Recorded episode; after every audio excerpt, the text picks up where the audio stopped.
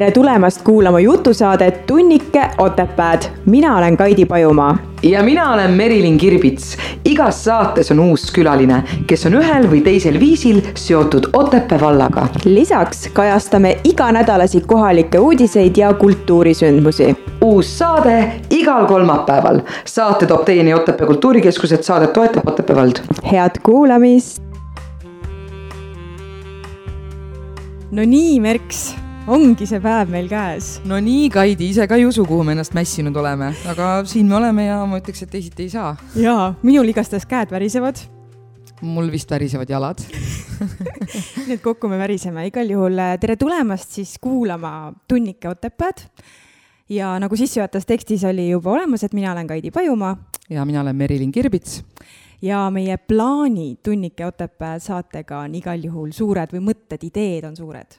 ühesõnaga, meie eesmärk on märgata enda ümber elavaid inimesi, tuua neid välja ja uurida nende, nende kohta rohkem kui lihtsalt see, mis võib-olla välja paistab.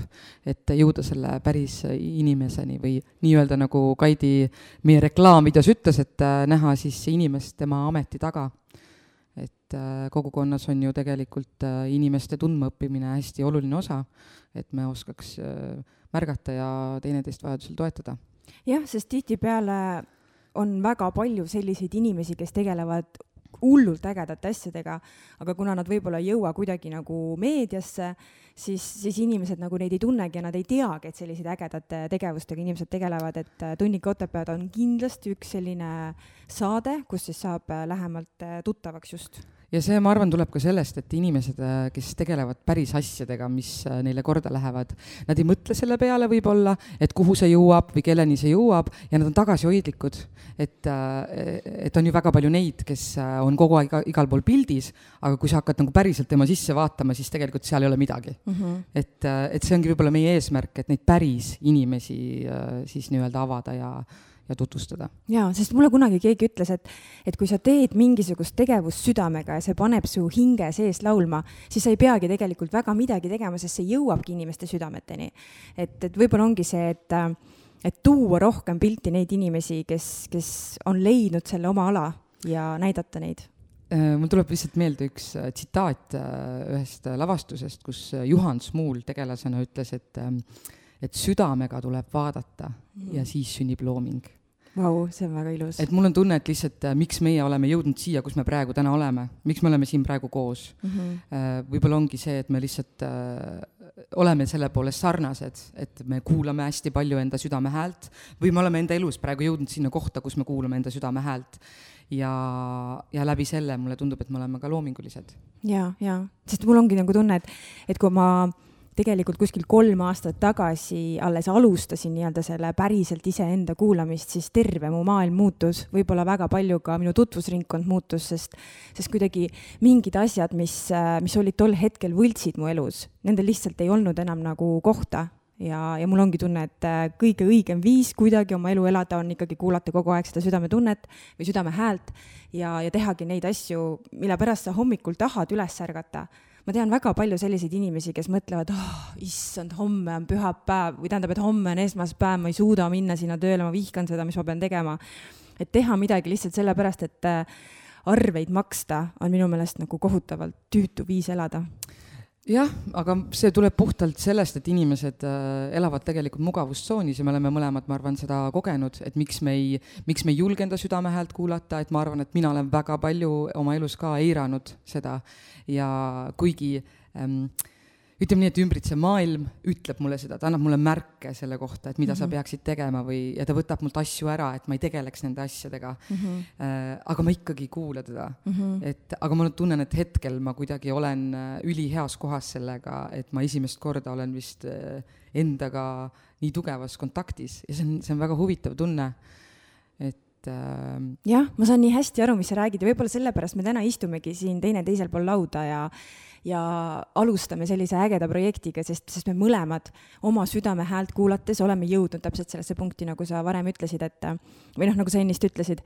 ja kuskilt mulle jäi ka selline mõttetera meelde, et, et kui sa oma elus kohutavalt midagi soovid ja siis ühel hetkel sulle tundub, et, et sul ei õnnestu seda saavutada, siis see ei ole nagu see, et justkui keegi kiusaks sind, on ju, et miks mõnedel näiteks õnnestuvad ja miks minul ei õnnestu, siis võib-olla see, mis tegelikult elul sulle plaanis on või nii-öelda sinu jaoks varutud, on hoopis midagi muud ja hoopis palju nagu palju-palju paremat kui see, mida sina suudad nagu mõelda, mida sina soovid või vajad.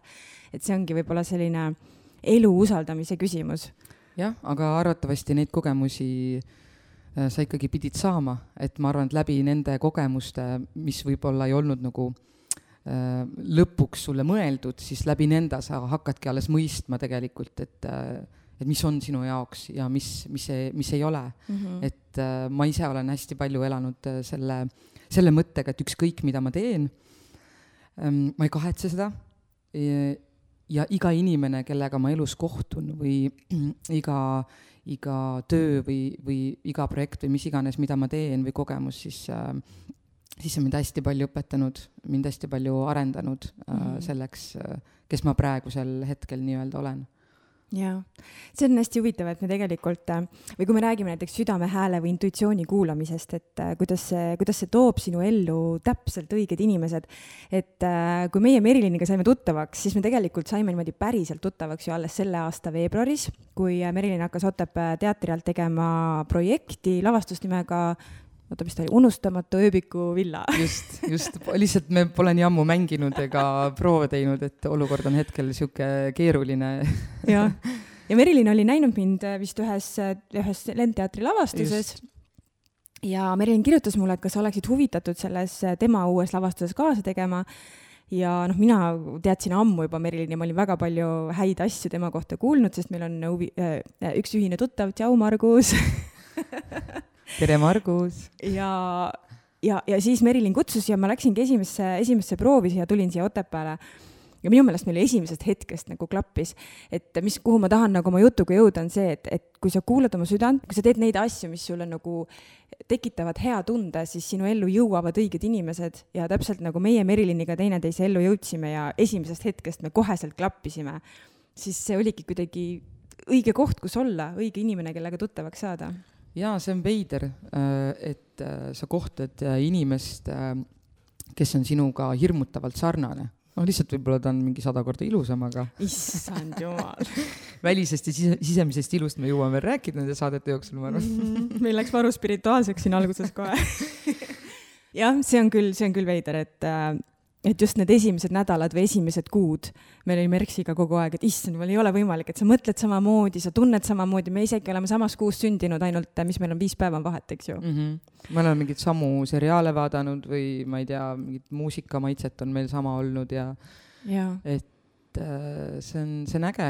see on kihvt jah, ja ma mäletan, kui, äh, kui ma hakkasin üldse seda mõtet nagu päris aktuaalselt äh, ja intensiivselt iseenda peas veeretama, et selline tunnike Otepääd võiks Otepääl sündida. ja ma ei olnud päris kindel veel, et, kellega või kuidas seda saadet vedada ja võib-olla ma olin alguses kinni väga selles, et oh, et, et võiks ikka meeshääl olla, et, et on naistel ka huvitavam kuulata.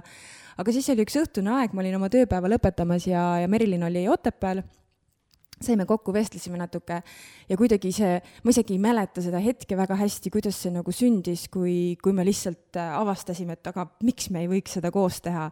et meil on igasugune klapp juba olemas nii teatrilaval kui päriselus, et, et sellist saadet äh, vedada kellegagi, keda sa tunned, kellega sul on mugav, kes on sinule sarnane, keda sa usaldad et ma arvan, et need on kõik äh, väga olulised omadused, mis kaassaatejuhtidel olema peaks no eks äh, sellel hetkel võib-olla ma ka tundsin, et ma vajan mingisugust äh,, mingisugust kontakti siiski Otepääga.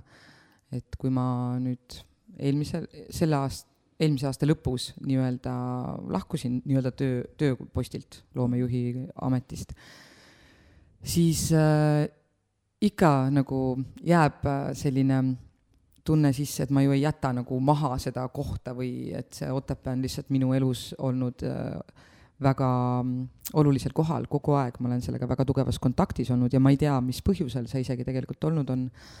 aga, aga mul on hea meel, et mul on nagu mingisugune kontakt ja ma jällegi tunnen, et miks ma üldse siia tööle tulin loomejuhina.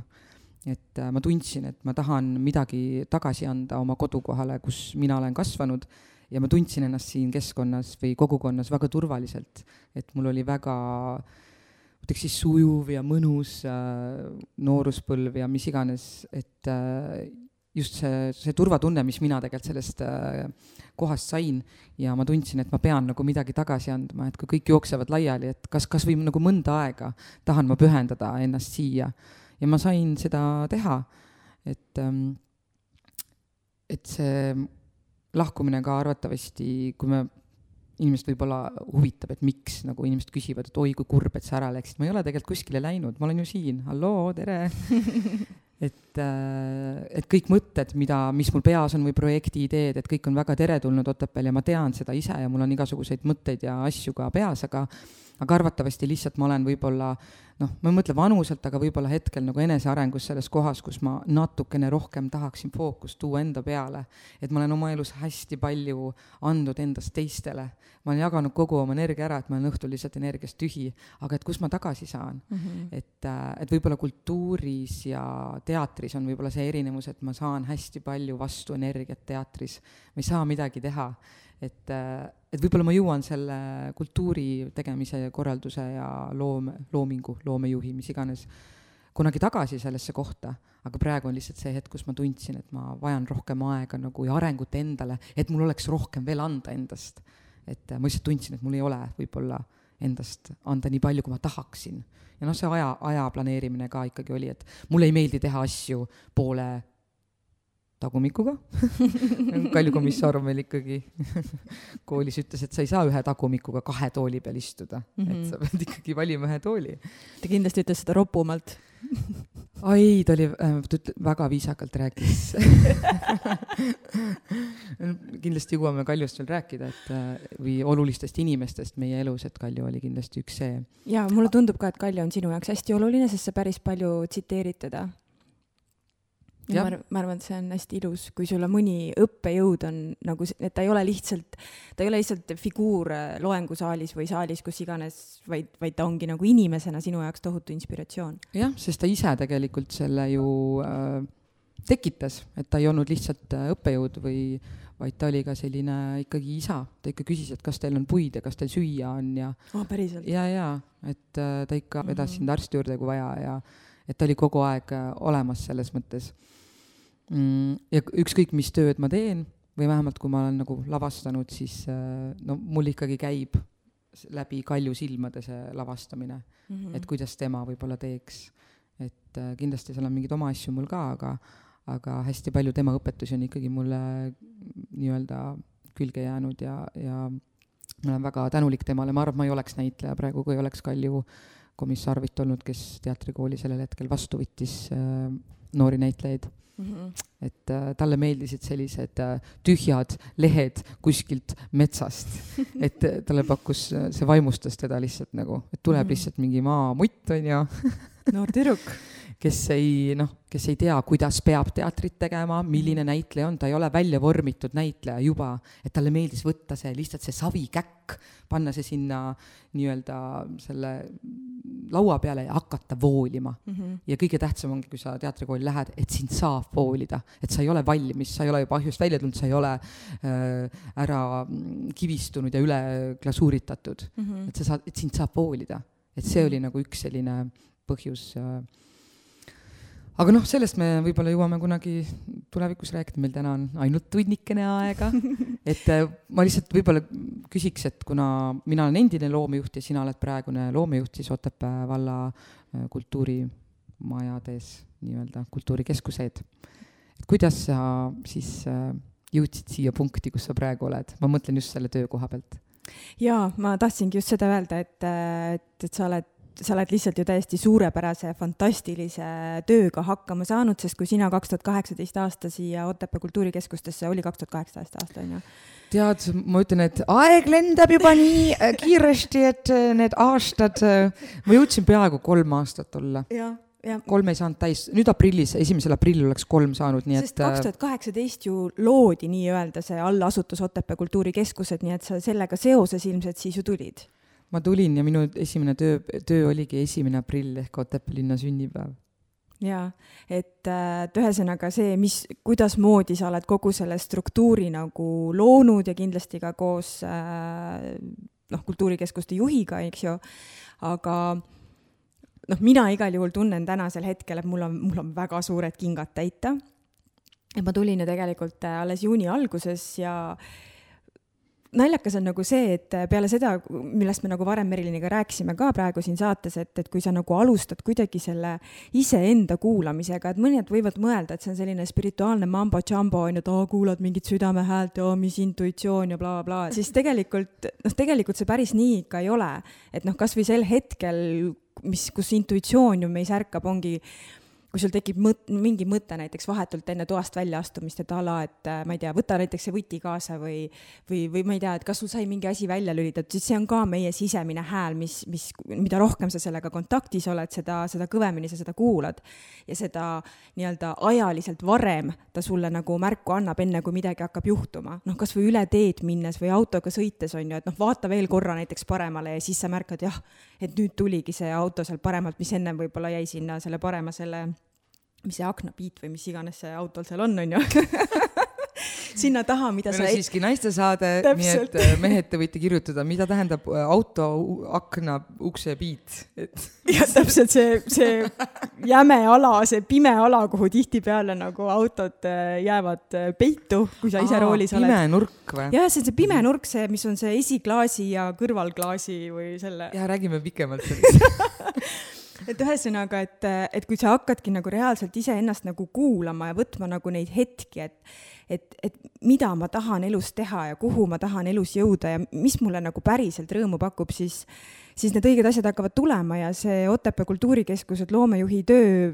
tuligi tegelikult üsna täpselt äh, väga niisugusel nagu maagilisel või müstilisel moel, et ma olin enne seda kolm aastat kakskümmend neli seitse teinud, äh, olnud aktiivselt äh, Lendteatris, Elva Lendteatris, nii näitlejana kui, kui noorte lavastajana, kui ma ei tea, kostüü-, kostüümikunstnikuna või lihtsalt nagu loovmeeskonna liikmena, turundajana, reklaamijana, ma ei tea, vahepeal kohvikus, vahepeal koristaja, ühesõnaga ma noh, ma tegin kõike, mida ühes väiketeatris teha tuli.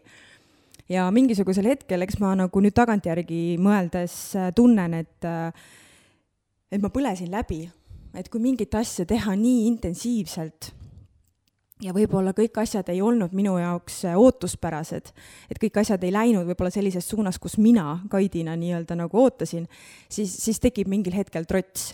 ja, ja ma tundsingi tegelikult selle aasta kevadel, et ma olen natuke väsinud, et, et ma tahaks mingisugust suunamuutust ja ma mäletan, ma vist rääkisin sulle seda, eks ju, et ma otsin tegelikult tööd, et ma tahan võib-olla sellest teatrimaailmast nagu välja astuda ja mis sa siis ütlesid mulle?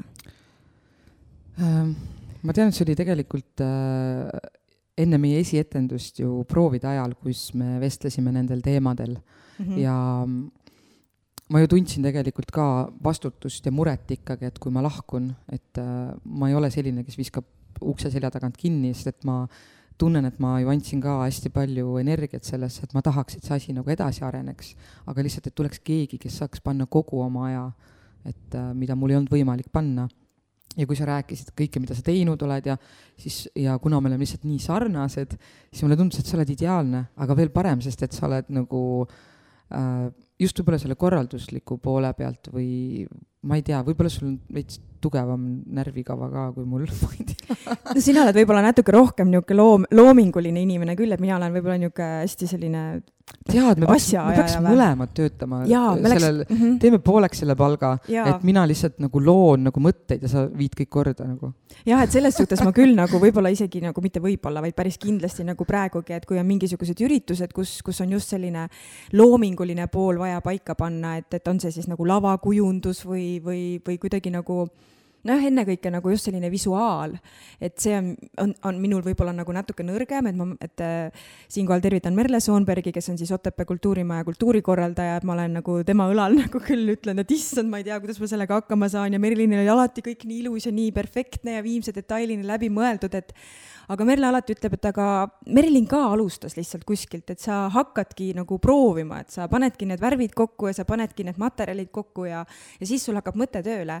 et see on ka võib-olla nagu see punkt, kus ma võib-olla pean natuke rohkem iseennast usaldama, sest mul ei ole just selle visuaali loomise poolel nii palju kogemust ilmselt kui, kui sul aga, aga noh, mis puudutab nagu kõike muud loomejuhi töö, siis selles osas ma tunnen ennast nagu noh, üsna nagu turvaliselt, et, et ma oskan oma aega planeerida, ma tean, mis ma pean tegema ja ma teen ära jah, selle sündmuse juures lihtsalt ongi minu jaoks, et oleks tervik, et ka ja minu jaoks on oluline, et kui inimene tuleb sündmusele, siis tema äh, emotsioon, mis ta saab sellelt sündmuselt äh,, algab juba siis, kui ta ruumi sisse astub mm. -hmm. et see, et see ruumikujundus või, või visuaal peaks olema nagu selle sündmuse teenistuses mm. -hmm.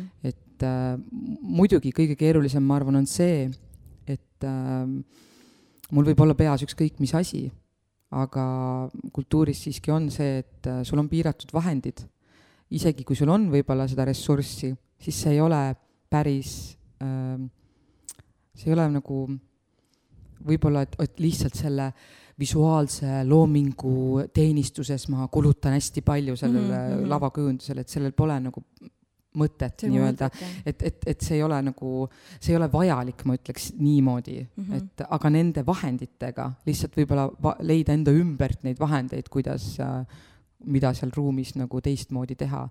et valgus on hästi suur asi, mis tegelikult aitab inimesi nii-öelda teise maailma minna, et kui kaotada ära päevavalgus mm, -hmm. miks mulle meeldib äh, sündmuste jaoks kõik ähm, rulood ette kerida ja kasutada kunstvalgust nii-öelda, sest see loob teise maailma ja teise atmosfääri kui mm -hmm. päevavalgus, et need koos nagu ei saa ka toimida, et, et, äh, et just, et see visuaalne pool on minu jaoks tõesti oluline sündmuste juures ka ja, ja see sul õnnestub nagu noh, täiesti fantastilisel moel, et aga, aga samas ma nagu lohutangi ennast, et mida Merilin tegelikult mulle ka tööle asudes ütles, et ma olen alati su jaoks olemas, ma olen telefonitsi su jaoks olemas, kirja teel, ma tulen kohale, kui mul on nagu võimalik.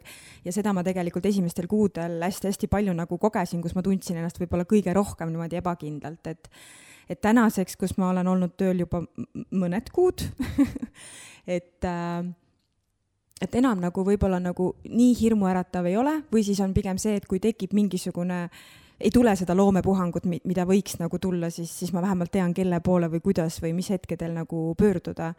aga. kui see oleks praegu töövestlus ja ma mhm. küsiksin mm -hmm. sinu käest, et mis on sinu positiivsed äh, omadused või küljed? oi-oi-oi lähme selles suunas või ei, tegelikult ma võin ise selles mõttes vastata, et kui ma võrdlen endaga, et ma arvan, et -hmm. kui meid kokku panna, siis me olekski üks sihuke ideaalne. me oleks täiesti ideaalne. ideaalne pallike nagu, kes lihtsalt töötab, töötab, töötab mm. -hmm. Et äh, ma arvan, et sa oled väga hea planeerija mm, -hmm. nagu aja planeerija äh,. sul käivad asjad hulga kiiremini ähm, ja ma arvan, et sa oskad äh, hulga paremini jagada ülesandeid, ma arvan, et sa ei võta võib-olla nii palju vastutust äh, nii-öelda, et sa mina olen selline, kes äh, keegi kirjeldas mind kunagi, et kui äh, ruumis on kümme tooli, üks taburet ja keegi pole veel kohale jõudnud, siis kes istub taburetil? sina ja, ja, ja ootan tabureti peal nagu, et et tegelikult äh, ma arvan, et juhi väga suur omadus on delegeerimine ja, ja ülesannete jagamine, et ähm, ja seal on nagu võib-olla ka see omadus, et, et kui sul on visuaalselt mingisugune idee, sul on lihtsam vahepeal lihtsalt ise mingisugused asjad ära teha, kui hakata kellelegi seletama mm, -hmm. kuidas seda võiks nagu teha mm. -hmm. et aga ma ütlen ka, et see struktuur loodi enne mind mm -hmm. siin äh, ja mina tulin juurde ja tegelikult see oli lihtsalt paberil üks mingisugune püramiidskeem toitumispüramiid nii-öelda, onju ja, aga me hakkasime tegelikult seda nii-öelda jalgratast ikkagi leiutama koos, et kuidas, kuidas see, kuidas see asi nagu toi-, toimiks või kuidas see koostöö nii-öelda sujuks mm. -hmm. et see ei olnud lihtne. ma ei olnud ko-, meeskonnas kunagi töötanud ja see on üks keerulisemaid asju mm, -hmm. aga, aga see on selline, see on ka nagu sihuke äh, suhe mm -hmm. tegelikult, töösuhe, kodus on suhe, et, et kuidagi äh, see kujuneb nagu ajaga, sa õpid järjest rohkem tundma inimesi ja kõige rohkem, ma ei tea, kuidas sul on, õpin, õppisin ma ennast tundma sest inimesed peegeldavad lihtsalt sind nii palju. ja, ja, ja, ja absoluutselt, ma olen nagu täiesti nõus sinuga, aga, aga just, mis, mis ma arvan ka, mis on nagu hästi oluline meeskonnas, ongi see, ongi see delegeerimisoskus, et ega ma praegusel hetkel ka noh, igapäevaselt siin Otepää Kultuurikeskuses äh, töötades ma ei tunne seda, et, et, et mina olen juht ja, ja keegi on minu juht ja, ja keegi on minu alluv, et ma tunnen, et me oleme kõik nagu viiekesi siin Otepää Kultuurikeskustes, äh, kellega nagu enamjaolt igapäevaselt suhtlus on. et me oleme nagu üks meeskond, et kui meil on, et kas meil on siin Otepääl üritus või meil on, ma ei tea, Pukas üritus või Sangastes üritus, et seal ei ole nagu see, et davai, et mine tee ise, vaid ongi, et sa lähed kohale, sa räägid, sa uurid, eks ju see on, sina vormis on alati nii tobe rääkida, ühesõnaga, et lähen kohale, räägin nii selle kohaliku kultuurikorraldajaga, millised on tema mõtted, millest ta vajab nagu abi, kuidas ma saan nagu aidata, aga samas anda ka nagu nii palju sellist nagu ruumi ja vabadust, et kui see ongi nagu konkreetse kultuurikeskuse üritus, et siis ma nii-öelda nagu ei tungi tema ruumi iseenda ideedega, vaid kui tal on endal nagu konkreetne idee, siis ma lubangi tal seda teostada. ja ma arvan, et see ongi nagu meeskonnas hästi oluline koht, et sa nagu usaldad neid inimesi, kellega sa oled meeskonna loonud. et äh, ma olen päris palju erinevates meeskondades töötanud ja ma olen töötanud sellise inimesega, sellise juhiga, kes absoluutselt ei delegeeri, kes absoluutselt nagu ei arvesta nende inimestega, kes tal meeskonnas on ja, ja tegelikult ise sellise juhi all töötades tekibki selline tunne, et, et sa ei ole vajalik. ja minu meelest, aga me kõik vajame olla vajatud. sa vajad meeskonnas seda tunnet, et sa oled vajatud, et sa oled oluline lüli. aga kui sulle nagu juhi poolt ei anta võimalust ennast teostada või tõestada või, või oma mõtetega lagedale tulla, sellepärast et juht ise teab kõige paremini, eks ju, kuidas mingisugust üritust teha mis tegelikult võib-olla tagantjärele vaadates ei õnnestunud kõige paremini, sellepärast et noh, vana hea tuntud lause on ju, üksi jõuad sa kiiremini, koos jõuad sa kaugemale, siis tihtipeale see meeskonnas, kus, kus ei osata nagu üksteisele toetuda, see noh, juhtubki, et jah, saab tehtud küll, aga mis kvaliteediga mm? -hmm. et jah. jah, meil see sõna üritus käis mitu korda läbi, et ma tean, et see sulle hästi ei meeldi. ma tean, noh, ütleme niimoodi, et äh, Facebook sihuke lahe koht äh,, kui sa lood seal, sa ei saa sündmust luua, sa loodki üritust, aga tegelikult üritus on luhta läinud katse mm. -hmm. et kindlasti võib mõnede sündmuste kohta öelda üritus, sest et mm -hmm. üritati, aga ei tulnud välja. no vaata, eesti keel on jah selline hästi huvitav, et kui sa näiteks sõna värvitud, et need munad võivad olla värvitud, ehk siis nad on erinevat värvi või siis nad on värvitud, ehk siis ilma värvita, et äh, üritusega on põhimõtteliselt samamoodi, et luhta läinud katse, see on päris hea jah. aga ma mõtlesin, et äh, me tegelikult oleme juba pool tundi rääkinud, ma ütlesin, et meil Merksiga jutt jookseb, et see tunnike täis rääkida ei ole üldse raske. ja, ja selle kultuuritöö juures mm -hmm. lihtsalt äh, ma tõesti loodan, et, äh, et on, leidub inimesi, kes meid kuulavad mm, -hmm. kuigi kindlasti meile meeldib ka teineteisega aega veeta, et pole üldse küsimust. sellepärast me tegelikult tegimegi selle saate, et me leiaks põhjust Meriliniga kokku saada aga lihtsalt ma tahan võib-olla ma olen nagu mõelnud selle peale hästi palju, aga ma ei ole selline, kes tegelikult postitab sotsiaalmeediasse võib-olla väga selliseid äh, sisemuses olevaid muresid või mõtteid, et äh, ma ise tunnen, et see ei jõua kuskile väga. aga võib-olla hetkel praegu on see võimalus, et äh, selle kultuuri tegemise juures või töötamise juures ma kuulen hästi palju, kuidas inimesed ütlevad tihti, et et midagi ei toimu või et mis see töö siis on, et äh, see ei ole ju midagi, teed ukse lahti ja mm -hmm. et, et tegelikult kunagi mina isiklikult ei hinda teiste tööd, sest et ma ei näe selle töö mahu või selle ma ei näe selle taha mm, -hmm. kui palju detaile tegelikult see töö nõuab, et see jõuaks lõpuks nii-öelda sellele plakatile ja inimene tuleb ruumi sisse mm. -hmm. et, et inimene, kes pole teinud kultuuritööd, ta pole kunagi olnud selle tegemise juures, ühegi projekti juures, ühegi sündmuse juures, tal pole õrna aimu ka tegelikult, kust see kõik alguse saab, kui palju see töö tegelikult nõuab ja kui palju peab korraga tegema tegelikult erinevaid sündmusi. et äh, lihtsalt äh, muidugi alati on lihtsam vinguda mm -hmm. ja aga see, aga see on inimeste mugavus, et nad isegi ei anna nagu endale tihtipeale võimalust, et tulla välja. et ma olen siin tegelikult teinud oma teatristuudioga väga ilusaid kontserte äh,, kus on muusika ja luu, luulekavad on seotud ja ja mul ei ole inimesi saalis, nad ei tule oma, oma kogukonna lapsi isegi kuulama ega vaatama mm. -hmm. et äh, see teeb mind nagu rohkem kurvaks, et äh, muidugi lahe, ma olen täiesti veendunud, et peabki pakkuma oma kogukonnas tegevaid asju ja siis väljast sisse tooma, et, et inimesed saaks erinevaid emotsioone tunda. aga kogukonna juures on kõige tähtsam ka teineteise toetamine ja minu arust noorte puhul on ka, et just nagu noorte märkamine ja, ja nende toetamine ja kõige suurem toetus on see, et sa tuled sinna saali mm -hmm. ja saad selle emotsiooni, sest me oleme väga palju vaeva näinud seda, et teile tuua. Ja kui me mingit sündmust teeme, on ju, me ei tee seda ju lihtsalt ära, me ei tee linnukest, ma arvan, et teil pole õrna aimugi, ku-, kust see nagu et me laseme selle kõik enda seest läbi, selle, selle, selle sündmuse nagu visiooni, selle mõtte, kus see teema alguse saab, kus see idee alguse saab, kui palju me enda seest tegelikult anname, et äh, ja, ja meie kõige olulisem ongi see, ka teatris me tahame, et publik saaks nagu selle endale mm. -hmm. aga kui publik ei tule kohale, siis ma ei saa talle isegi seda pakkuda. et, et see inimeste arv saalis teeb mind kurvaks ja ma tean, et kultuur võitleb eraettevõtlusega. me mõlemad peame turundama kultuurisündmusi, et eraettevõtluste suurte kontserditega, aga meie nii-öelda äh, tegemised tunduvad nagu väiksemad, meil pole seda energiat äh, ennast niimoodi reklaamida ja turundada, sest vanasti ei olnud ju nii. kultuurimajja, inimesed tungisid ise ju sisse.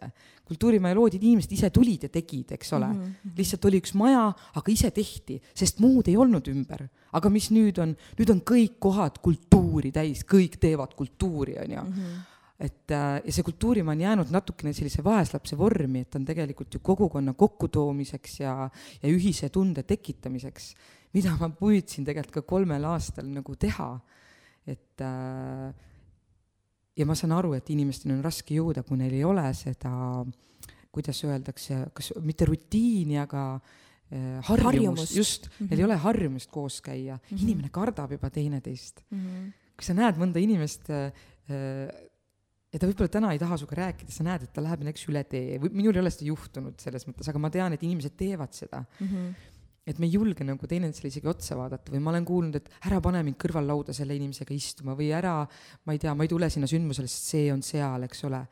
aga sa võtad ära võimaluse endal saada osa sellest emotsioonist mm -hmm. ja meie oleme ju kultuuris, esiteks me oleme täiesti apoliitilised, me oleme inimeste teenistusest, kogukonna teenistusest, sest minu jaoks ongi see, et töö on tähtis, äh, tervis on tähtis, sport on tähtis, aga see vaimne, vaimne vägi või see kogukonna tunne, äh, see on see, mida meie kultuurimajas ju tahame inimestele pakkuda mm -hmm. ja, ja see on kõige kurvem, kui inimene ei taha seda vastu võtta. ta ja. ise ei anna endale võimalust sellest osa saada jah, sest ega me ei tee ju neid äh, üritusi lihtsalt sellepärast, et ahah, et äh, sügisel otsustame nii, nüüd äh, selle aasta jooksul peaks tegema kümme suurt üritust ja siis võib-olla kokku, ma ei tea, kakskümmend väikeüritust. ja siis me korraldame kõik ära ja oh, linnuke kirjas, et nüüd on see tehtud, nüüd on see tehtud, nüüd on see tehtud. et me tegelikult ju teemegi lihtsalt, me teeme sellepärast, et ühelt poolt meile endale meeldib teha see energia, mis me ise nendelt üritustelt saame, kui see üritus on lõpuks kokku pandud ja kell lööb seitse või viis või kaksteist ja see hakkab pihta ja esimesed noodid on laual lauldud või mängitud või, või esimesed luuleread öeldud see värin nagu, mis, mis mind tabab sel hetkel, kui ma mõtlen, et issand, et meie oma meeskonnaga panime selle ürituse kokku, et kui äge, kui äge, et see päriselt toimus, sest ühel hetkel on see lihtsalt visioon peas, siis on ta nagu paberil ja nüüd on, nüüd ta seisab nagu minu ees. et see on, see on lihtsalt nagu, me teemegi sellepärast, et meile meeldib teha ja, ja me saaks nagu veel suurema ja ägedama nii-öelda energialaksu, kui saalis on nagu inimesed ka. sest ma ise, kui ma mõtlen üheksateist august, kui oli see Puka öölaulupidu, minu jaoks oli see ju nii-öelda Otepää vallas äh, esimene nagu noh, nii suur üritus tegelikult või just laulupeo, sündmus jah, nii suure sündmuse ma kujutan ette, Merks parandab mind veel päris mitu saadet. ei, aga see oli sündmus, see läks ju korda. ja see läks korda ja, ja, ja ma ju tegin seal nii-öelda laulmisest debüüdi, mina, kes ma pole laulja ja kaks päeva varem Merle ütles, ei ole midagi, laulad ära siin selle Fiksi vana pildipraami, eks ju, ja siis oi, kui närvis ma olen, mõtlen, ma võin seal laval teha ükskõik mida, teha mingeid sketše või improda või noh, mis iganes, nagu mul ei, mul ei ole lavahirmu, aga ma kohutavalt kardan laulda, sellepärast et mul on tunne, et ega ma noh, ma ei oska, ma ei ole kunagi õppinud ja ma ei ole väga laulnud. ja teha seda ära niimoodi, et, et selline tohutu meeskond erinevaid laulukoore või lauljaid seisab mul selja taga vahepeal tuli seal tead vihma, vihm jäi seisma ja, ja see, see muidugi see bänd, kes meid saatis, no täiesti vapustav onju. ja siis ma tegin ära ja saad sa aru, ma, ma, ma viibisin selles öölaulupeo energias vähemalt kaks-kolm päeva veel, ma vaatasin neid videosid, ma vaatasin neid pilte. see oli, see oli lihtsalt nagu vapustav ja see, see on, see ongi nagu vaimutoit, mis, mis, mis on võimalik nendelt sündmustelt saada. et ma ei, jah, see teeb natuke kurvaks, et inimesed, et kas siis tõesti, et info ei jõua või, või siis mõeldakse, et ah, mingi kohalik värk, et ei usu, et see väga hea on või noh, ma ei kujuta ette. tegevusi on hästi palju, et inimestel on lihtsalt jah. Äh, valikut mm -hmm. nii palju ja see on, äh, see on täiesti normaalne. ma, ma ja ma mõistan seda, lihtsalt vahepeal mulle tundub, et kas siis äh, nii-öelda selle, selle kultuurimaja nagu mõiste või kultuurimaja vajadused, kas selle peaks kuidagi siis nagu ümber hindama või et mi, miks siis nagu seda üldse vaja on mm, -hmm. kui me, on inimesed, kes näevad nii suurt vaeva, muidugi teatris äh, öeldakse, et kui sul on üks inimene saalis, siis see on juba publik, sest see üks inimene peab saama sama asja mm, -hmm. kui saal on täis ja ma olen mm -hmm. nagu selles mõttes sellega nõus mm, -hmm. lihtsalt mul on kahju, et kõik need teised inimesed ei saa, kes mm -hmm. sinna täna õhtul ei tulnud. ja meie sündmused Kultuurimajas ei kordu. iga nädal on esietendus mm. -hmm. et äh, sa ei saa sedasama sündmust uuesti näha, see ei kordu kunagi mm. -hmm. ja tegelikult sa jääd sellest lihtsalt ilma. ja, ja sest ja noh, teisalt ka, ka need inimesed, kes on selle sündmuse kokku pannud, ette valmistanud, ära teinud, need inimesed, kes laval on. et mina ise olen olnud selliselt laval, ma mäletan, kui ma ühes lavastuses pidin psühhopaati mängima, käisime Tartus mängimas ja ma olen põhimõtteliselt kaks tundi järjest laval. Ja ma olen näinud nii palju vaeva selleks, et seda, seda rolli inimesteni tuua, igasuguseid Youtube'i videosid vaadanud, lugenud raamatuid, et ma suudaks võimalikult täpselt minna selle psühhopaadi või mõrvari või sotsiopaadi, et oli nagu kõik erinevad koos, minna tema hinge nagu või, või tabada tema neid hinge nüansse, et miks keegi üldse selliselt käitub. ja siis sul on saalis neli inimest et noh, loomulikult me mängisime täie power'iga need kaks tundi, aga ma tundsin pärast lavalt ära astudes, et, et minus oli nagu teatav kurbus, sest tegelikult see tükk oli võimas, me tegime väga kõvad rollid kõik kolmekesi. ja muidugi need neli inimest, nad nutsid, nad naersid, nad plaksutasid, lõpus tõusid püsti, ütlesid vau, milline lavastus, vau, milline etendus, eks ju. ja see ongi nagu kurb, et, et sa, et sa, et sa panustad nii palju oma aega ja energiat, sa paned kogu oma hinge nagu sellesse ja siis äh, sa ei saa tegelikult seda energiat sealt saalist võib-olla tagasi, kui, kui rahvast on vähe. jah, ja siin lihtsalt alati tekib küsimus, et miks see nii on. et äh, kui me võtame täiesti, ütleme nii, et kriitika on alati selline mitme otsaga asi, eks ole. et äh, sa võid seda võtta isiklikult, sa võid mitte võtta. sest et äh, oleneb, mida inimene ütleb ja kuidas ta seda ütleb mm. -hmm. aga ma täiesti improviseerin ja kutsun praegu Otepää valla inimesi äh, üles, et äh, et mis on need, ähm, mis on need põhjused näiteks, et miks, miks ma ei tule kodust välja või, või näiteks, et äh, mis oleks see, mis tooks mind kodust välja. et puhtalt selle arengu jaoks oleks võib-olla kasulik mingisugune tagasiside. me kuuleme tegelikult igast asju, on ju mm, -hmm. aga me kuuleme neid kuskilt linna pealt mm. -hmm. et see ei ole selles mõttes otsene. et ütleme nii, et kui sulle räägib inimene, kellele rääkis keegi teine, siis läheb tõlkes juba midagi kaduma.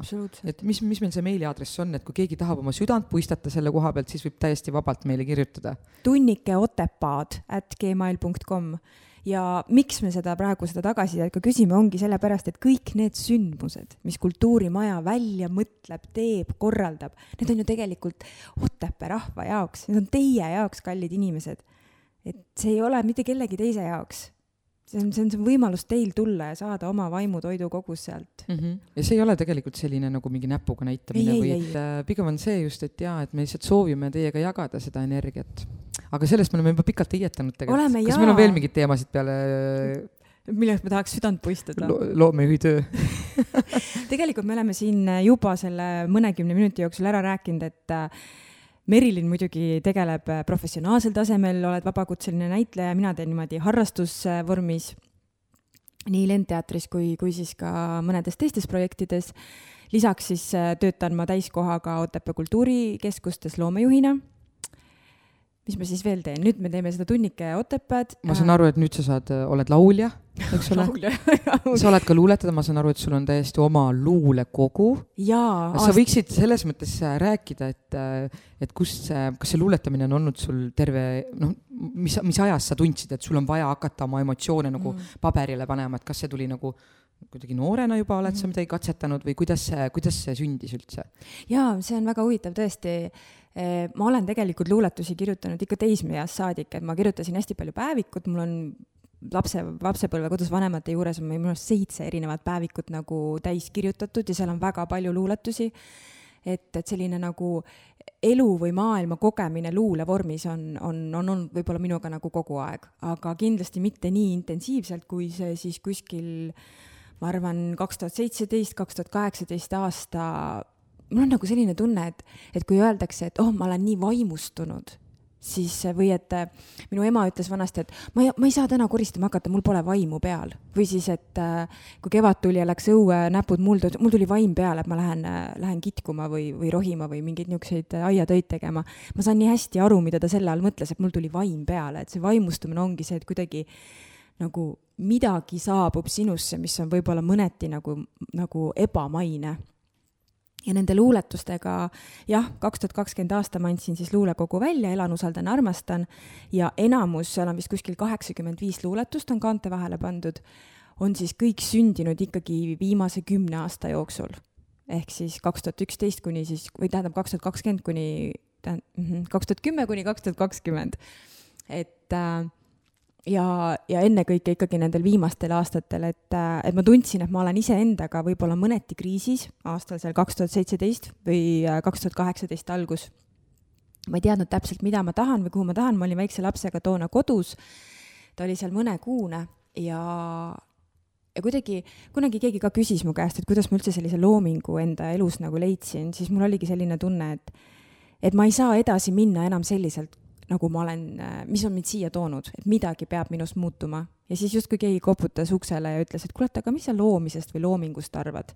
ja ma mäletan, mõtlesin, et issand, mina küll loominguga midagi teha ei oska. see keegi on muidugi nii-öelda nagu jutumärkides, tegelikult ei olnud, on ju, kedagi füüsiliselt.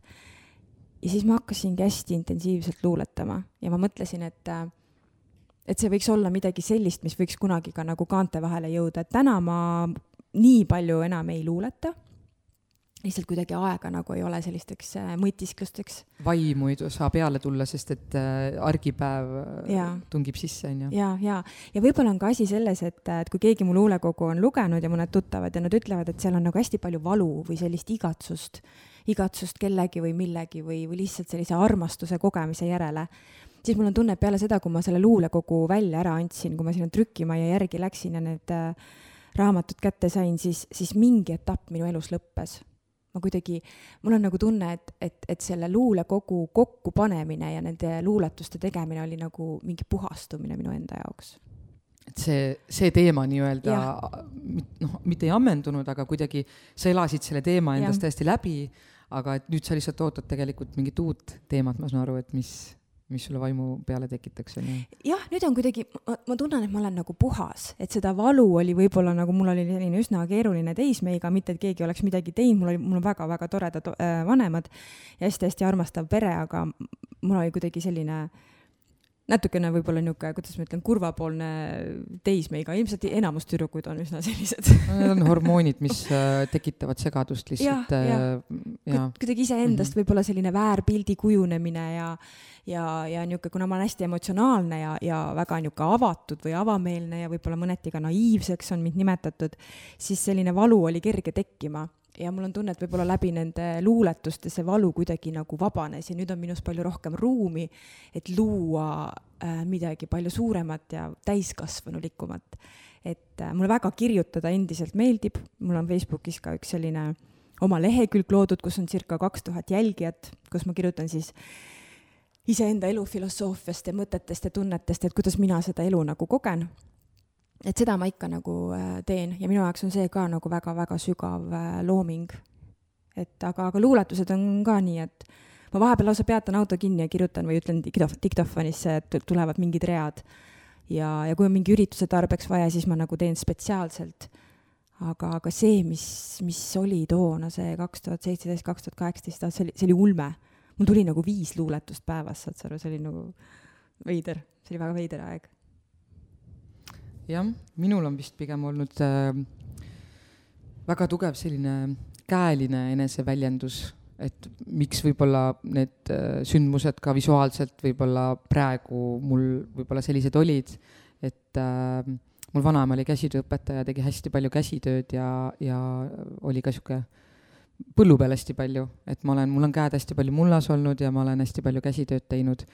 Ja kõik käeline tegevus on minu jaoks rahustav, et ähm, et kui mul on vaja ennast nagu maha laadida, siis, siis mina olen see, kes äh, tegelikult läheb aeda ja, ja teeb tööd seal aias lihtsalt, see aitab kuidagi äh, me-, mõtted ja meele ja kõik nagu puhtaks saada ja, ja mina nagu väga usun sellesse, et äh, sellel loodusel meie ümber on mingisugune ta nagu maandab sind. absoluutselt mm -hmm. jaa, et kui sa, ja ta annab nagu energiat juurde ka, et sul tekib nagu see energiaring, kui sa käed mulda paned mm -hmm. või mis iganes sa seal teed ja sellepärast ma olen ka võib-olla noh, kui ma gümnaasiumi lõpetasin siis mul oli kaks valikut, et kas ma lähen Räpina aianduskooli äh, lilleseadet ehk floristikat õppima või lähen teatrikooli mm. -hmm. ja teatrikoolis oli siis äh, sellel aastal Viljandis vastuvõtt ja noh, muidugi ma sain sisse kohe, aga see ei olnud selline, ma pean näitlejaks saama, et mul ei olnud seda, seda soovi nii-öelda lapsest saati olnud. et äh, tegelikult Margust tervitan siin puhul, ma arvan, et Margus oli ka üks, üks suur osa sellest nagu ja üldse minu teatrikooli või teatristuudio või teatri näiteringide juhendajad, äh, Marika Poova, Marika Soidra ja Margus Möll tegelikult, äh, ma arvan, olid need. ja sõbrad ka tegelikult ütlesid, et, äh, et sa võiksid proovida. ja ma mäletan, me käisime kuskil teatrilaagris ja siis olid, mingi eelvoor oli Viljandis, lihtsalt viisid mind, meie Otepää kambaga viisid mind Viljandisse, viskasid bussist maha, ütlesid davai, mine nüüd proovima nagu. noh, ma ei oleks ise võib-olla seda ise enesesse uskunud. Et äh, kuigi, kui rääkida us-, usust, siis ma arvan, et äh, ükskõik, kuidas me seda nimetame, on ju, on see loodus, on see keegi kuskil mingi mehike. Või naine. Just, või naine, siis tegelikult kõik taandub sellele, et, et see on tegelikult eneseusk. lihtsalt me ei usu piisavalt enesesse ja sellepärast me vajame väljaspoolt midagi, mis nii-öelda, me vajame anda talle mingisugust kuju või mingisugust nagu me ei taha nagu vastutada iseenda elu eest, et lihtsam on, kui keegi ja. teine vaata võtaks selle vastutuse. aga tegelikult see on eneseusk mm, -hmm. see on ainult eneseusk ja see on kõige hullem, et tegelikult, kui sa millessegi päriselt usud, mida sa tahad või millega sa hakkama saaksid, siis see võib juhtuda, see võib juhtuda, aga sa oled mugavustsoonis ja sa kardad mm, -hmm. sa kardad seda vastu võtta või seda pakkumist. mis aga... siis saab, kui? ja, ja, et see on puhtalt meie enesevalik tegelikult mm.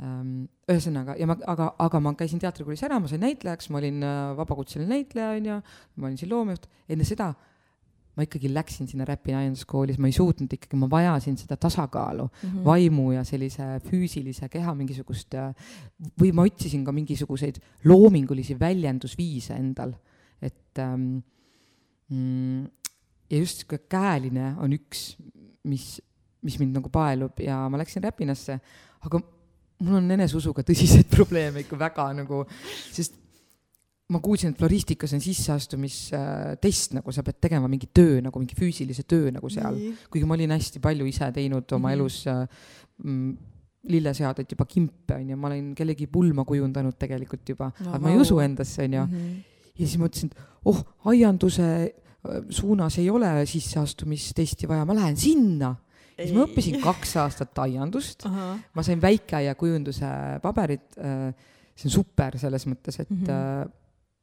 Ma teadsin, et mul on aias taimed, aga alati äh, keegi kunagi ei öelnud mulle, et mis taim see on või ta ei mhm. tutvustanud mulle seda, sest et mhm. tähtsad olid kartul, porgand, peed, kaalikas, eks ole, need taimed olid mul selged ja kuidas neid kõlblata, eks ole. Mhm. aga see iluaiandus ja seda, seda ei olnud nii-öelda minule lähedale toodud.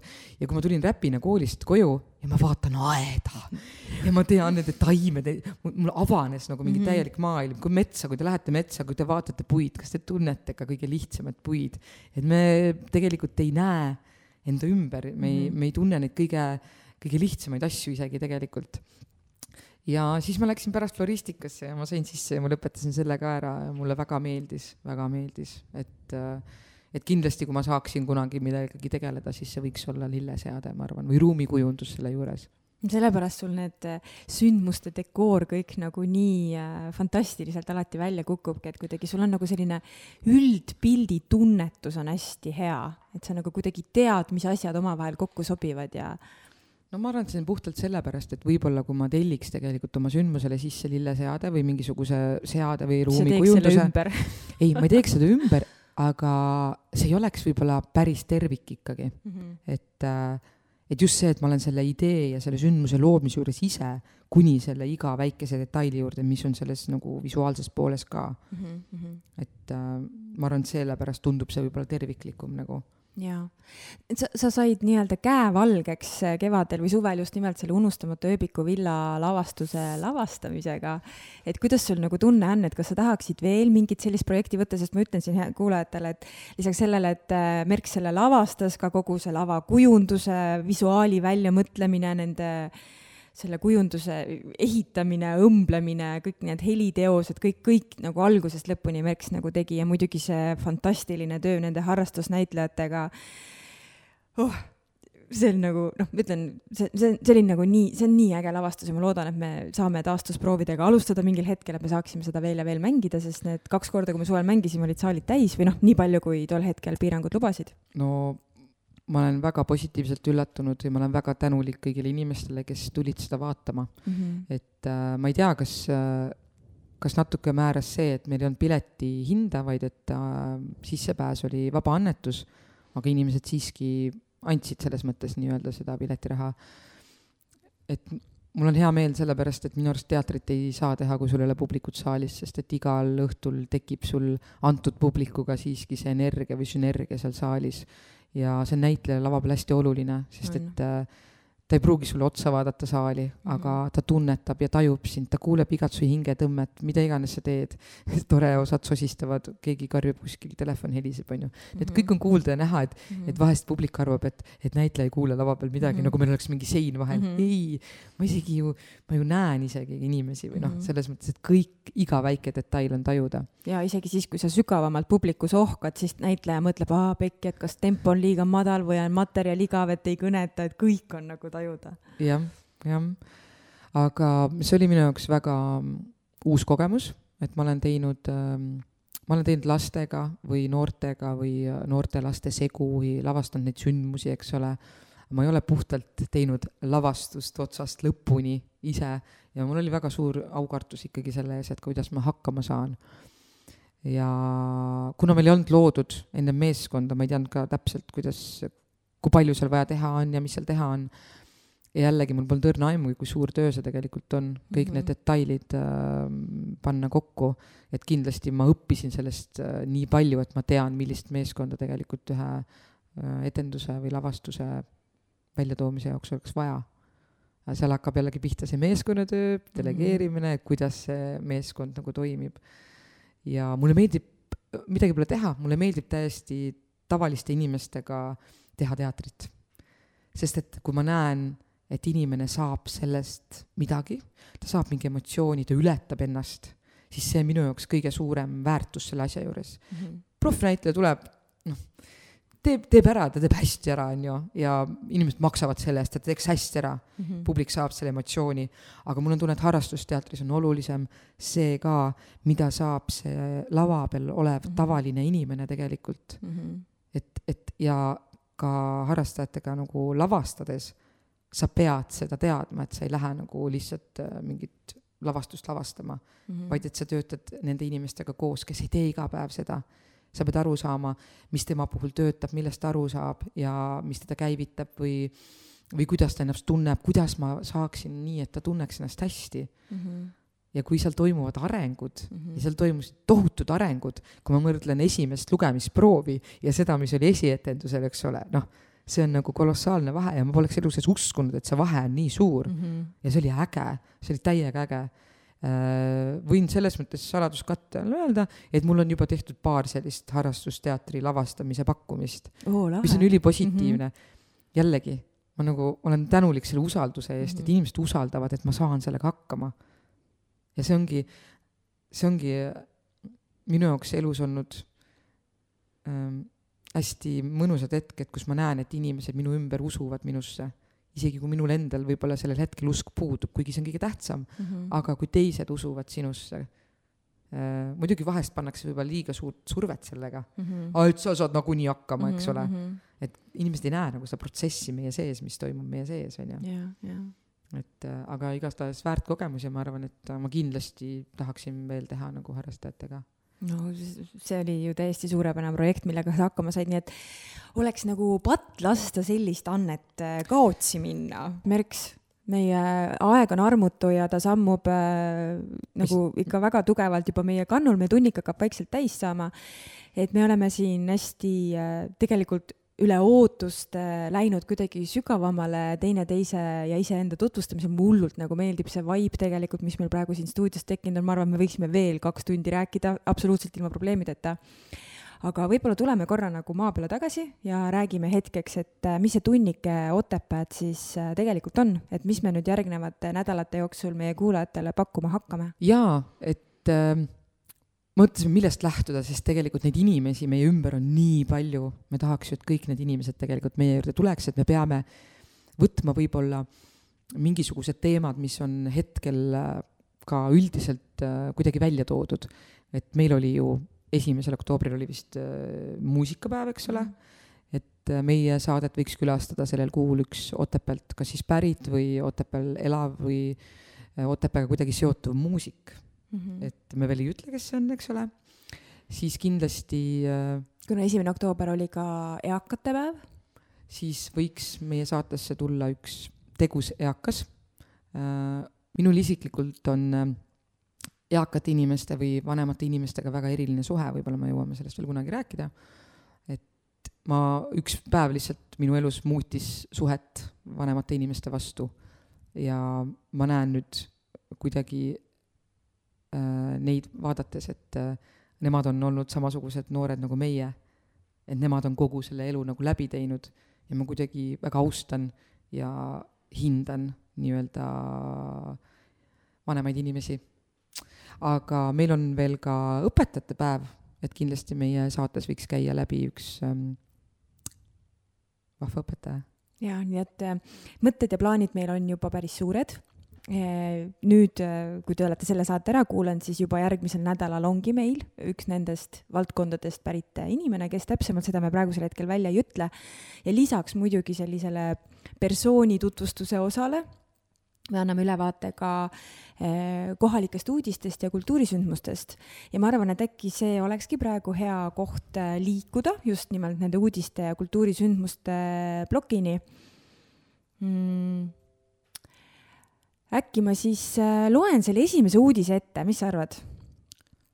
tee rõõmu, nagu Kalju Komissarov ütles, et tee rõõmu või? jaa, nii kui etüüdi hakkasid lava peale minema tegema, siis tee rõõmu et loodame, et on positiivne.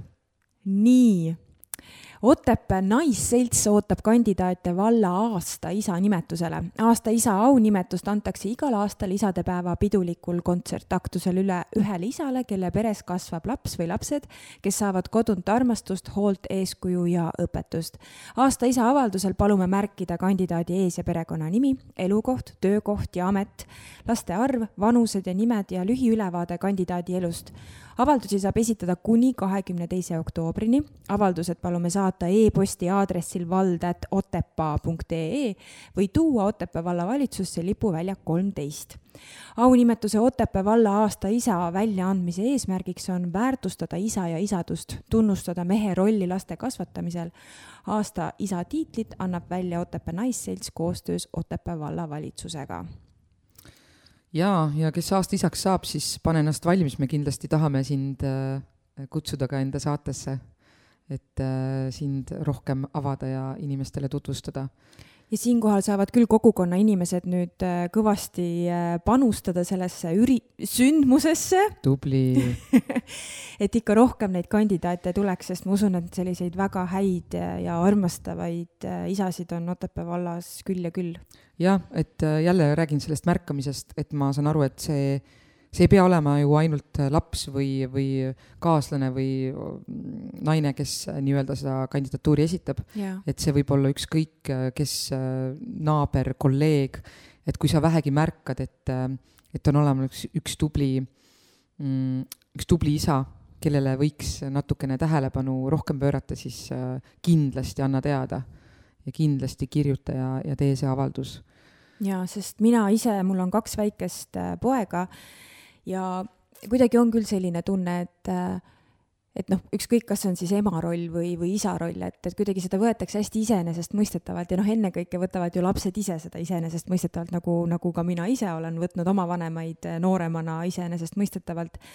aga see, see panus ja aeg, eh, mida me oma laste heaolusse paneme, see on nii mõõtmatu, et kui meil on võimalik eh, tõesti seda märgata ja neid inimesi tunnustada, siis ma arvan, et see on lihtsalt väga-väga ilus tegu ja ma arvan isegi, et see, see päev või see sündmus ei olegi mõeldud ainult sellele ühele isale. et ähm, see on võib-olla lihtsalt välja mõeldud selle jaoks, et, et väärtustada no lihtsalt, et seda kuidagi, seda tähelepanu suunata rohkem sellele isaduse teemale, aga tegelikult äh, võiks üleüldiselt rohkem väärtustada isade või emade panust nii-öelda siis sellesse peresse, et äh, et ma arvan, et kõik, kõik isad oleks kindlasti väärt seda sellist nagu tunnustust ja, ja. igal juhul äh, kuupäev, millal oleks vaja siis hiljemalt ära saata, oli, nagu ma ennem ütlesin, kakskümmend kaks oktoober ja avalduse saab saata valde.otepaa.ee või siis tuua Otepää vallavalitsusse lipuväljak kolmteist. ja nüüd liigume siis edasi kultuurisündmuste juurde. just. oi, mis meil siin ootab ees äh, reedel, kaheksandal oktoobril kell kaheksateist null null toimub Otepää kultuurimajas muusika- ja luuleõhtu. Otepää valla riimkroonika konkursi korraldusmeeskond kutsub muusika- ja luuleõhtule. teeme kokkuvõtet saadetud kirjutistest, muusikalist vahepala pakub Merle ja sõbrad mm,. kes need sõbrad on? õhtu seob tervikuks Otepää Kultuurikeskused loomejuht, näitleja ja luuletaja ja natuke ka laulja Kaidi Pajumaa ja parandan siin selle ürituse ära, ma ise arvan, et see võiks sündmus olla. sest see kindlasti õnnestub. sündmus on kõigile tasuta ja, ja miks see sündmus õnnestub, on sellepärast, et äh, see, millest see kunagi alguse sai või kellest see kunagi alguse sai, istub mul siin vastas. nii et äh, ole hea, Merilin, ava võib-olla natukene seda teemat, et kust sündis selline mõte teha riimkroonika konkurss? Äh, tegelikult on talve pealinna avamise paiku tehtud alati jõuluvanade kokkutulek ja seal siis ähm, Tiia Leismets on alati teinud äh, iga aasta põhimõtteliselt mingisuguse tuntud loole peale nagu uued sõnad mm, -hmm. et mhm. siis eelmisel aastal vallas toimunu kohta nii-öelda mm. -hmm. niisugune natuke nagu noh, tögamine ja nögimine, et mis meil siin äh, juhtunud on, et äh, noh, ikka niisugune äh, mõnusat muhedat kriitikat selles mõttes mingite asjade puhul, on ka häid asju selles mõttes mm. -hmm ja, ja siis ma mõtlesin ka, et tegelikult võiks olla, kuna inimestel ei ole võib-olla mm, seda julgust alati kirjutada lihtsalt näiteks valda või kirjutada meile, et et äh, või, või, või inimestele meeldib lihtsalt, äh, lihtsalt sotsiaalmeedias karjuda või lihtsalt helistada ja karjuda su peale, et, et kõik on väga halb, eks ole mm. -hmm aga miks mitte panna see loomingusse, panna see mingisse ägedasse vormi mm. -hmm. vot see riimkroonika äh, kirjutamise võistlus või konkurss või ongi see võimalus kus sa võid võtta oma viha või võtta oma rõõmu ja panna see siis sinna riimi, riimi sisse nii-öelda. ja kõige ägedam, see talletub. et kui meil on aastate kaupa neid riimkroonikaid, siis me näeme, mis vallas on toimunud, me näeme, mis inimestel on korda läinud ja millest nad hoolivad või siis mi-, mille vastu nad nagu kriitikat teevad mm. -hmm. et äh, ja see tegelikult, see riimkroonika sõna äh, Oskar Kruusil on selline Otepää riimkroonika nii-öelda värssis niisugune kirjutis nagu, et selle, selle pealt tuli seal pealkiri nii-öelda, aga siis nagu see jõuluvanade kokkutuleku selle laulu pealt tuli see nagu üldse see idee nii-öelda, et siis niisugune kompott tuli kokku. ja minu arust on väga mm, seda on vähe olnud, ma arvan, loodan, et see kasvab, ma loodan, et see lihtsalt ei ole jõudnud inimesteni, see info selle paari aastaga mm. -hmm. osad asjad võtavad aega ja ma olen väga tänulik, et te teete seda edasi. et äh, et inimestele anda see võimalus äh, saada sõna ja ma näen juba, et kes kirjutavad, need tavaliselt võib-olla isegi ei satu kultuurimajja, aga, aga, aga nad on nagu olemas, nad, ma näen, et nad on tegelikult nagu kursis, mis toimub ja see on see koht, kus nad saavad ise nagu panustada või nad saavad ennast välja elada nagu. Ja see on nagu äge, et, et need on nagu erinevad inimesed, et me puudutame inimesi, keda me ei ole varem puudutanud. Ja see ongi ju kultuurimajade või kultuuri äh, eesmärk, et ha, mm, kuidagi hästi palju inimesi kaasata. Mm -hmm. et võib-olla see luule teema on see, mida ei ole nagu väga palju olnud, et ka inimesed on siis küsinud, et kas mingit luuleõhtut ka tuleb, et see on, see on nii tore, et sa, ma saan aru, et sa esitad seal ka luulet, on ju ma Me... esitan seal enda luulet, jah mhm. ja loete need riimkroonikad ka ette nii et tulge ja. kõik kindlasti kohale, te saate muusikat, te saate te saate luulet ja, ja siis neid lahedaid äh, riimkroonikaid, et mis teemad siis on see aasta inimesi puudutanud. ma olen ise väga põnevil, aga kas ma saan aru, et tegelikult sa juba midagi meile avaldad? jaa, kuna jah, selles suhtes ma, ma valisin tegelikult välja kaks luuletust, mis mulle endale kohutavalt meeldis, ma loodan, et äh, autor Martin Kasepuu äh, ei saa meie peale pahaseks, et ma siin podcast'is niimoodi avan tema luuletust et noh, loomulikult ma olen päris mitu päeva neid luuletusi siin lugenud ja, ja mõne, mõne luuletuse peale ma olen ikka, no ikka niimoodi kõva häälega üle kontori na naerma hakanud, sest, sest leida nagu selliseid viise, kuidas panna oma mõte riimi või üldse nagu selliselt, kuidas inimene mõtleb, et see on, noh, ma ütlen, luule on üldse minu jaoks kuidagi hästi-hästi sügavalt puudutab, sest, sest suuliselt ja kirjalikult väljendada oskavad ennast enamus inimesi, eks ole, aga, aga panna oma mõte riimi niimoodi, et, et iga lause on sul kindel mõte, see ei ole tühine sõnade järjekord, järjekorra panek, eks ju, järjekorda panek, vaid, vaid, vaid kui sul on neljarealine luuletus, siis sa saad selle nelja reaga anda edasi terve loo. ja vot see on minu jaoks nagu võimas looming. Aga kuna minu enda luule on ennekõike võib-olla selline just niisugune nagu armastusluule, siis võib-olla need, mis mind nagu eriti puudutasid, oligi just rohkem selline igatsuse või armastuse väljendamine, mis ei puuduta võib-olla nii-öelda äh, Otepää valla tegevusi, aga ma, ma vähemalt ühe loen küll praegu ette, kui võib. jaa, muidugi, palun. nii, see on kirjutatud aprillis aastal tuhat üheksasada kaheksakümmend neli. nii et. ma polnud sündinudki siis veel. ka mina mitte et see on äh.... kuulge, kas see on küll hea idee, et isegi, see ei pea olema isegi noh, praegu selles ja. mõttes, aga et kui teil on kuskil arhiivis, siis see on ju veel ägedam. kolmkümmend seitse aastat äh, tagasi kirjutatud. Vau, nii kuulame. ja, ja luule, luule on ju selline, mis on, mis on ajatu, eriti kui see puudutab armastust, me kõik ju armastame. nii, öö, hellitav mööda saanud vaevalt, veel huulil su suudluste tukse, kui lahkudes vajuvalt laevalt sa tagantkätt kinni lööd ukse. su sammude kaugenev kaja on röövinud viimase rahu, sa lähed, sest tead, nii on vaja kuid mulle see hinge ei mahu oh,. mul tulevad külmajudinad üle keha. väga ilus. väga ilus ja üks oli tegelikult veel, mis ma välja valisin. Äh, mulle väga-väga meeldis ka see, Pääsusilmad. ta tuli, silmis varaõhtu valgus ning bussiraha suvesoojas pihus. Tuul mängles ruuges juuksesalgus, me pilgud kohtusid, mul miskit katkes ihus. Ja peas ja südames ja miskit hiilis hinge. See kaunidus ei lihtsalt mahtunud pähe. Ja ainus mõte ajus keris ringe, oh andku jumal, et ta ei maha lähe. kuid siiski läks tal silmis pääsusilmad ja kaunid sääred kaunistamas linna.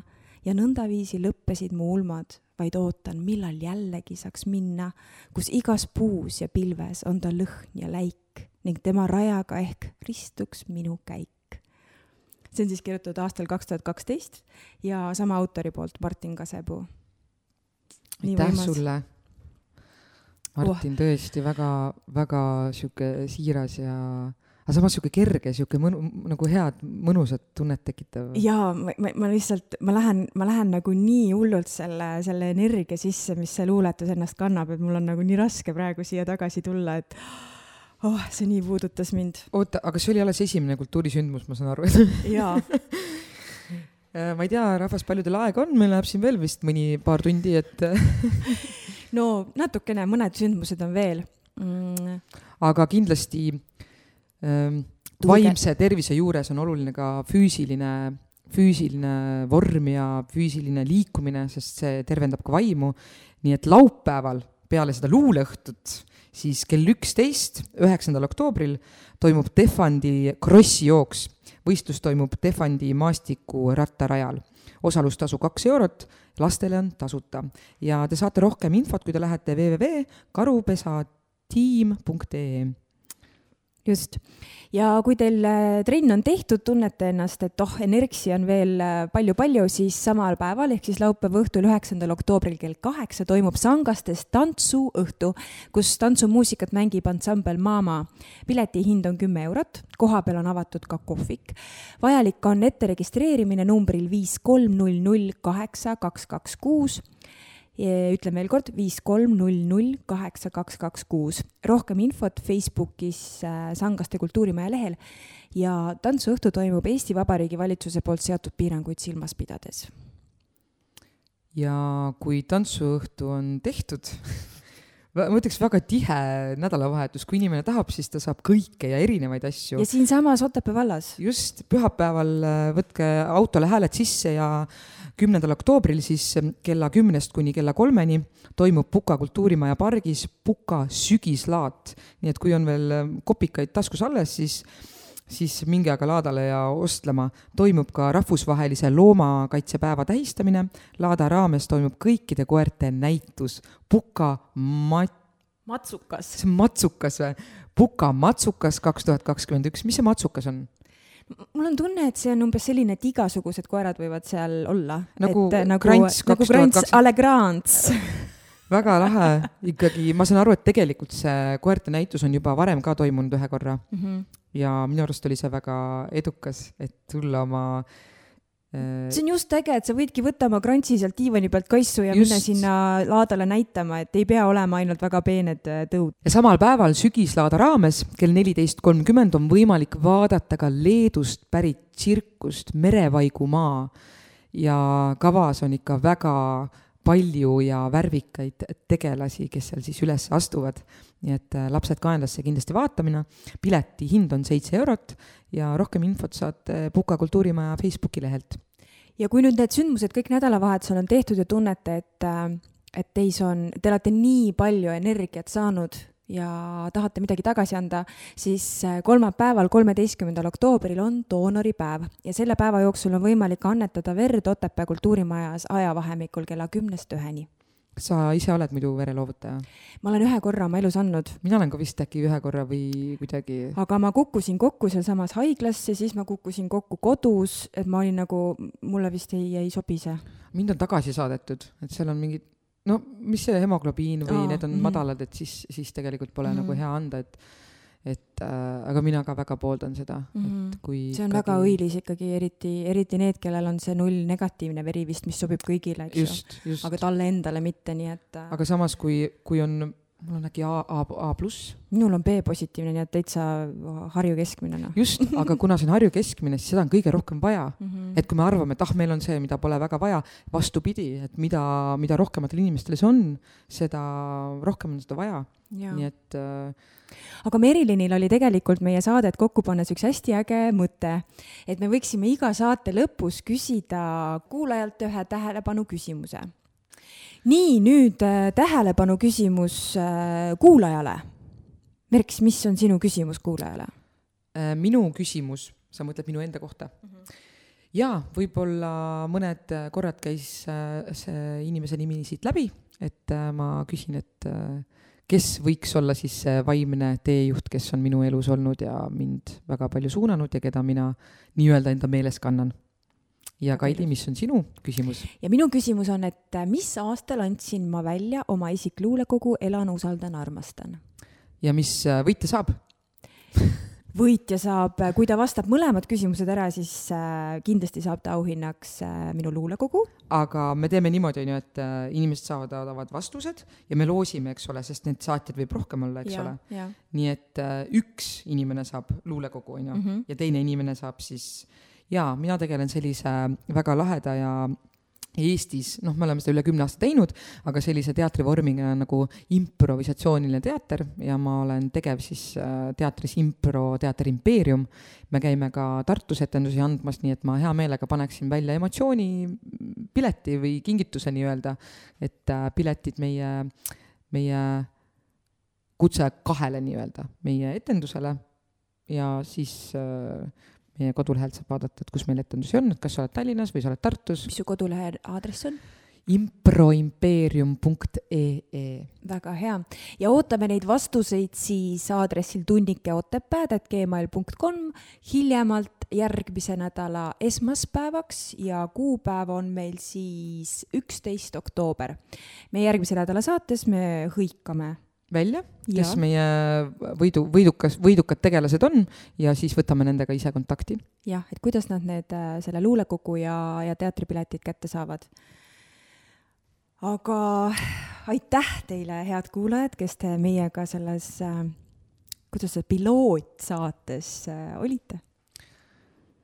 väga huvitav tunne on, et võib-olla üks põhjus äh,, ma tahtsin lihtsalt teada, et kuidas ma hakkama saan, et näitlejana sul on olemas oma äh, näoilme, eks ole, sul on oma füüsiline keha, aga et kui sul on ainult hääl, et kuidas, kuidas siis nagu hakkama saada, et äh, see oli üks niisugune põhjus, miks ma tahtsin tegelikult seda saadet proovida teha ja teine väike, väike edevus ka võib-olla ja see kontakt Otepääga ka kindlasti.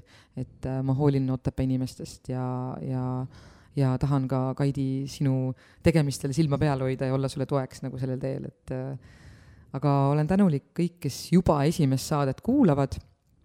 Te võite meile vabas vormis saata ka ettepanekuid ja mõtteid, kes näiteks võiks saatesse tulla, sest meie kindlasti ei tea ka kõiki inimesi, kes meil Otepää vallas elavad, kes võiksid tähelepanu saada.